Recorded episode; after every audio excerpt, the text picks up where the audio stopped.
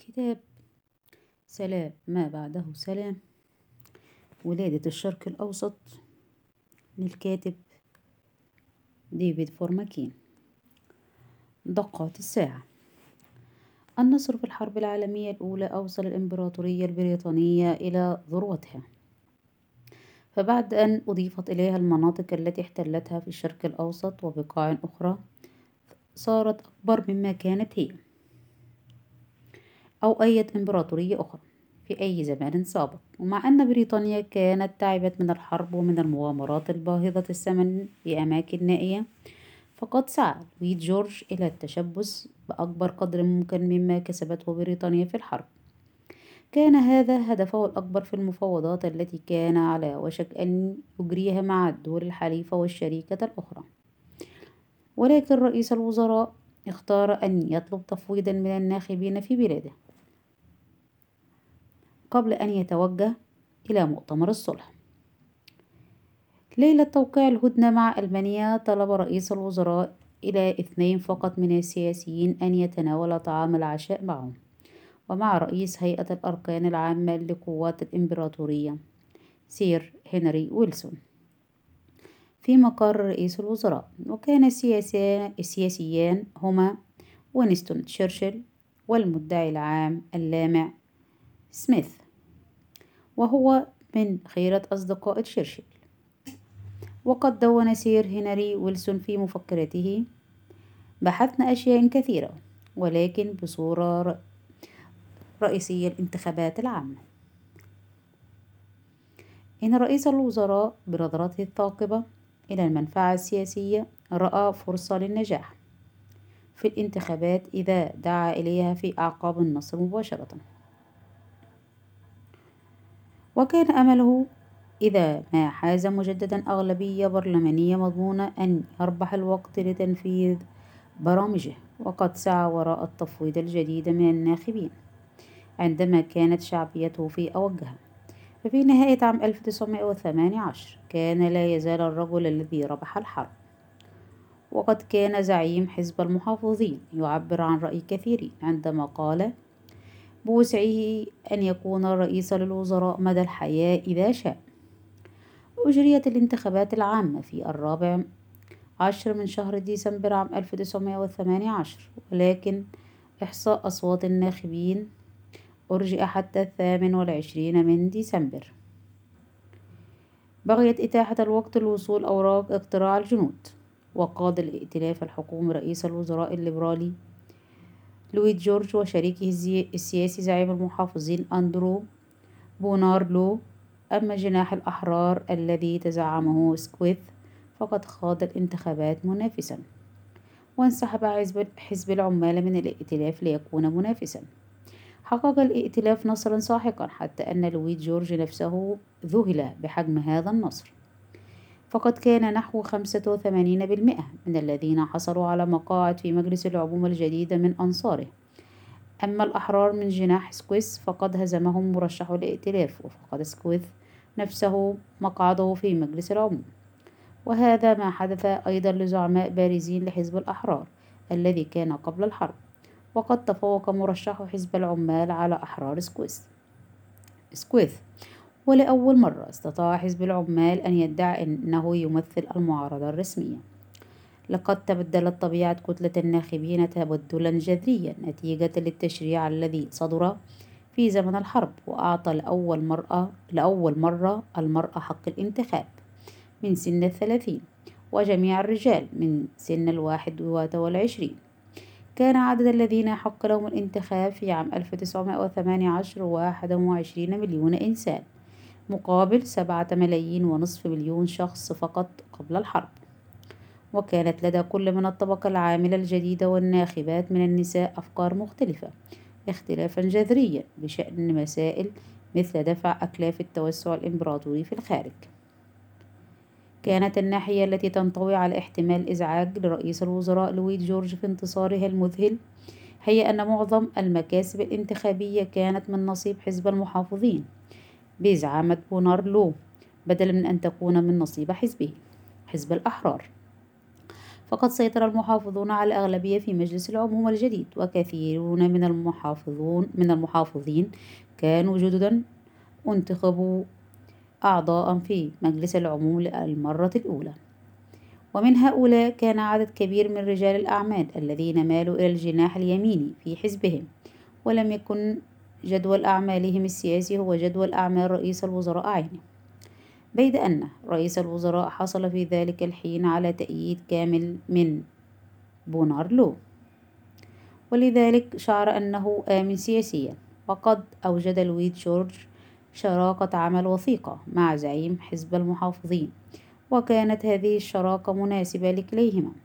فقد كان بونارلو المتواضع الخلجول يشعر بالسعادة. إذ أتاح لرئيس الوزراء المفعم نشاطا والبهي الطلعة أن يتولى القيادة وأن يكون في بؤرة الضوء. وقال بونارلو لأحد مساعديه مشيرا في كلامه إلى شاغل البناء رقم عشر شارع داونينغ يجب ألا نسمح قط لهذا الرجل النحيل أن يغادر. فطريقه وطريقنا متلازمان في المستقبل. طلب لويد جورج إلى وينستون تشرشل السياسي الذي بلغ الخامسة والأربعين من عمره والذي كان يحاول أن يحيي ماضيه أن يتولى منصب وزير الدولة لشؤون الحرب. والطيران في وزارة ما بعد الحرب. قدم رئيس الوزراء عرض الوزارتين. بطبيعة الحال سيكون هناك راتب واحد فقط. به تاريخ التاسع من يناير عام 1919 وقبلت شرشر العرض في اليوم التالي. وعندما كانت شرشر وزيرا للذخائر لم يكن عضوا في مجلس الوزراء الحربي. ولذلك فإن توليه وزارة الحربية كان مؤشر عودته إلى الأوساط الداخلية للحكومة. وكما كان متوقعا فقد أثار تعيينه معارضة عنيفة. وقد علقت إحدى الصحف صحف المحافظين قائلة لقد تابعنا مسيرته الرائعة والخاطئة وكنا على ثقة. في توقعنا إنه سيفسد أن عاجلا أو آجلا كل عمل يتولاه مصيره مرتبط بطباعه. ثمة مطلب مأساوي في السيد تشرشل يضعه كل مرة على الدرب الخطأ. هذا تعيين يجعلنا نرتجب بالنسبة للمستقبل. تغلبت شرشر على السمعة التي لصقت به سواء كان يستحقها أم لا بأنه يبذر موارد البلاد. وانطلق ليظهر أنه يستطيع أن يكون مقتصدا. فأخذ يقول في أن السياسات الطموحة ينبغي تقليصها إذا لم تتوفر الموارد الداعمة لها.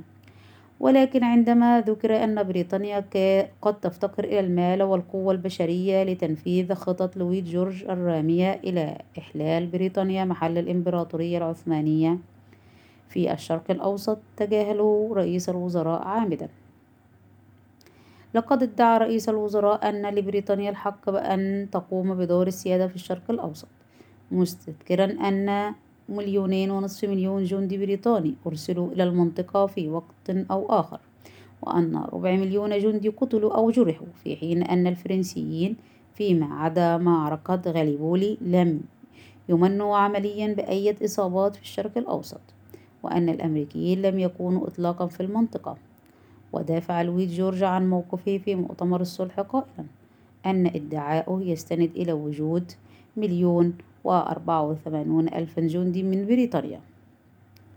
والإمبراطورية والإمبراطورية يحتلون الإمبراطورية العثمانية وأنه ليس في وقت الاحتلال وحدات غير بريطانيا ذات حجم يذكر. وحسب أقوال سكرتير مجلس الوزراء البريطاني لم تغب عن بصر رئيس الوزراء إطلاقا خلال الحرب. الفوائد التي يمكنه أن يأمل في جنيها عند انعقاد مؤتمر الصلح من جراء حيازة أراضي أعدائنا. وقد ذكر لويس جورج لأحد أصدقائه سيكون الفارق كبيرا بمجرد امتلاكنا الأرض عسكريا.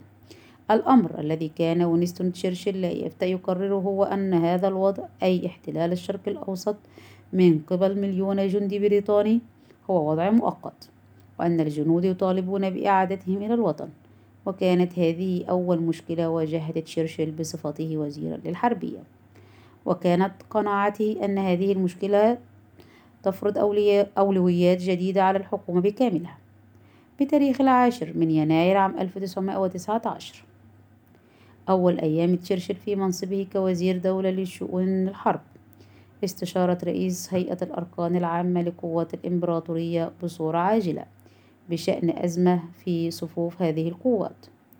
لقد تظاهر الجنود مطالبين بتسريحهم فورا وقد عم الاضطراب وخشية شرشل أن يؤدي هذا الاضطراب إلى انتفاضة بلشفية. فكتب فيما بعد قائلا أن هذه المخاوف كانت صحيحة في وقتها لأن أشياء كثيرة مخيفة كانت قد حدثت وشاهدنا انهيارات رهيبة لكيانات قائمة كما شاهدنا كما شهدنا معاناة طويلة للأمم بحيث أن أي هزة بل أي تشنج يزلزل أسس كل دولة. كان اعتقاد شرشل أن الجنود يجب أن يعادوا إلى أوطانهم حالما تتمكن القطارات والسفن ناقلة الجنود من نقلهم. بعد ذلك بأسبوعين حدث حدث عصيان بين خمسة آلاف جندي بريطاني في ميناء كاليه طالبوا بتسريحهم ولكن تشرشل كان سباقا بإيجاد الحل إذ كان قد أعد خطة عادلة لتسريح الجنود. وقد نفذت الخطة بسرعة تحت إرشاداته طوال عام 1919 ولكن تسريح الجيش كان يهدد بانتقاص فرص بريطانيا لفرض شروط الصلح. في الخامس عشر من يناير عام 1919 كتب الفيلد مارشال سير دوغلاس هيج القائد العام لقوات الحملة البريطانية في أوروبا. إلى تشرشل يبلغه أن الجيش البريطاني الموجود كان يختفي بسرعة وأنه ما لم ينشأ جيش احتلال فإن الألمان سيكونون في وضع للتفاوض على نوع آخر من الصلح. كان هذا ينطبق أيضا على الأتراك وبعد مرور بضعة أيام قدمت شرشل مذكرة إلى رئيس الوزراء. قال فيها ما لم نكن راغبين في أن نحرم من ثمار النصر وأن نرمي بكل ما كسبناه بكلفة ومشقة كبيرتين. فلا بد لنا من أن نوفر خلال شهور عديدة مقبلة جيوشا لاحتلال أرض العدو. ويجب أن تكون هذه الجيوش على قدر من القوة. يكفي لانتزاع الشروط التي نطلبها من الألمان والأتراك وغيرهم. حاول تشرشل من أجل إعطاء رئيس الوزراء الوقت اللازم لفرض شروطه للصلح. أن يحتفظ بجيوش احتلال مؤلفة من جنود مجندين حديثا على أساس أول قرعة سحب للمجندين في بريطانيا في زمن السلم. ولكن رئيس الوزراء الذي تنبه للحقائق السياسية الداخلية أمر بتخفيض حجم الجيوش التي كانت شرشل ينوي إنشائها. بعد إذن اضطر تشرشل إلى أن يعد بإنهاء التجنيد في موعد لا يتجاوز مارس 1920 ومع أنه حذر مجلس العموم قائلا إياكم أن تحلوا جيشكم قبل أن تحصلوا على شروطكم. فإن الاعتبارات السياسية فرضت سريعا فرضت سرعة تسريح الجنود إلى حد أن تشرشل اعترف في أكتوبر 1919 بأن الجيش قد تلاشى. ومع ذلك لم تكن بريطانيا قد حققت شروطها في الشركة كما سنرى الآن. في عام 1914 كانت تشرشل الأكثر إدراكا من بين أعضاء مجلس الوزراء أن الجداول الزمنية للتعبئة كانت تدفع الدول الكبرى إلى حرب عالمية. وفي عام 1919 كان هو الأكثر إدراكا من بين أعضاء مجلس الوزراء أن الجداول الزمنية لتسريح الجنود ترغم الإمبراطورية على عن على التخلي عن الميدان قبل ضمان النصر. ورأت شرشل أيضا أنه ينبغي للحكومة أن تقلص النفقات بسرعة لتتمكن بريطانيا من العيش في حدود إمكاناتها. وقد وعدت شرشل مجلس العموم قائلا سأبذل قصارى جهدي لضمان إجراء تخفيضات كبيرة في القوات. إذ من دون هذه التخفيضات يستحيل أن تكون الأوضاع المالية في حالة جيدة. والحقيقة أنه خفض النفقات في السنين التالية إلى 17% فقط مما كانت عليه أي من 604 ملايين جنيها في عام 1919 إلى 111 مليون جنيه في عام 1922 لقد ذكر أن هناك مشكلة أخرى لا بد من مواجهتها فعند إعادة الجنود البريطانيين إلى وطنهم يبقى الشرق الأوسط في أيدي جنود هنود. كانت الهند البريطانية قد أرسلت خلال حرب عام 1914 أكثر من مليوني جندي إلى ما وراء البحار. كثيرون منهم مسلمون.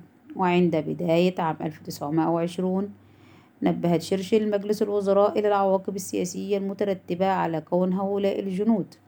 وهم في غالبيتهم مسلمون يشكلون قوة الاحتلال التي طرقت في المنطقة. وعهد إليها بمهمة كريهة هي ممارسة الإكراه على أبناء دينهم المسلمين. وكتبت شرشل قائلا أن كل وسائلنا المحدودة لتهدئة الأمور في الشرق الأوسط تعتمد على استخدام الجنود اليهود الجنود الهنود. ويجب ألا نفعل شيئا من شأنه أن يثير المشاعر الهندية ضد استخدام هؤلاء الجنود أو يؤثر على ولائهم.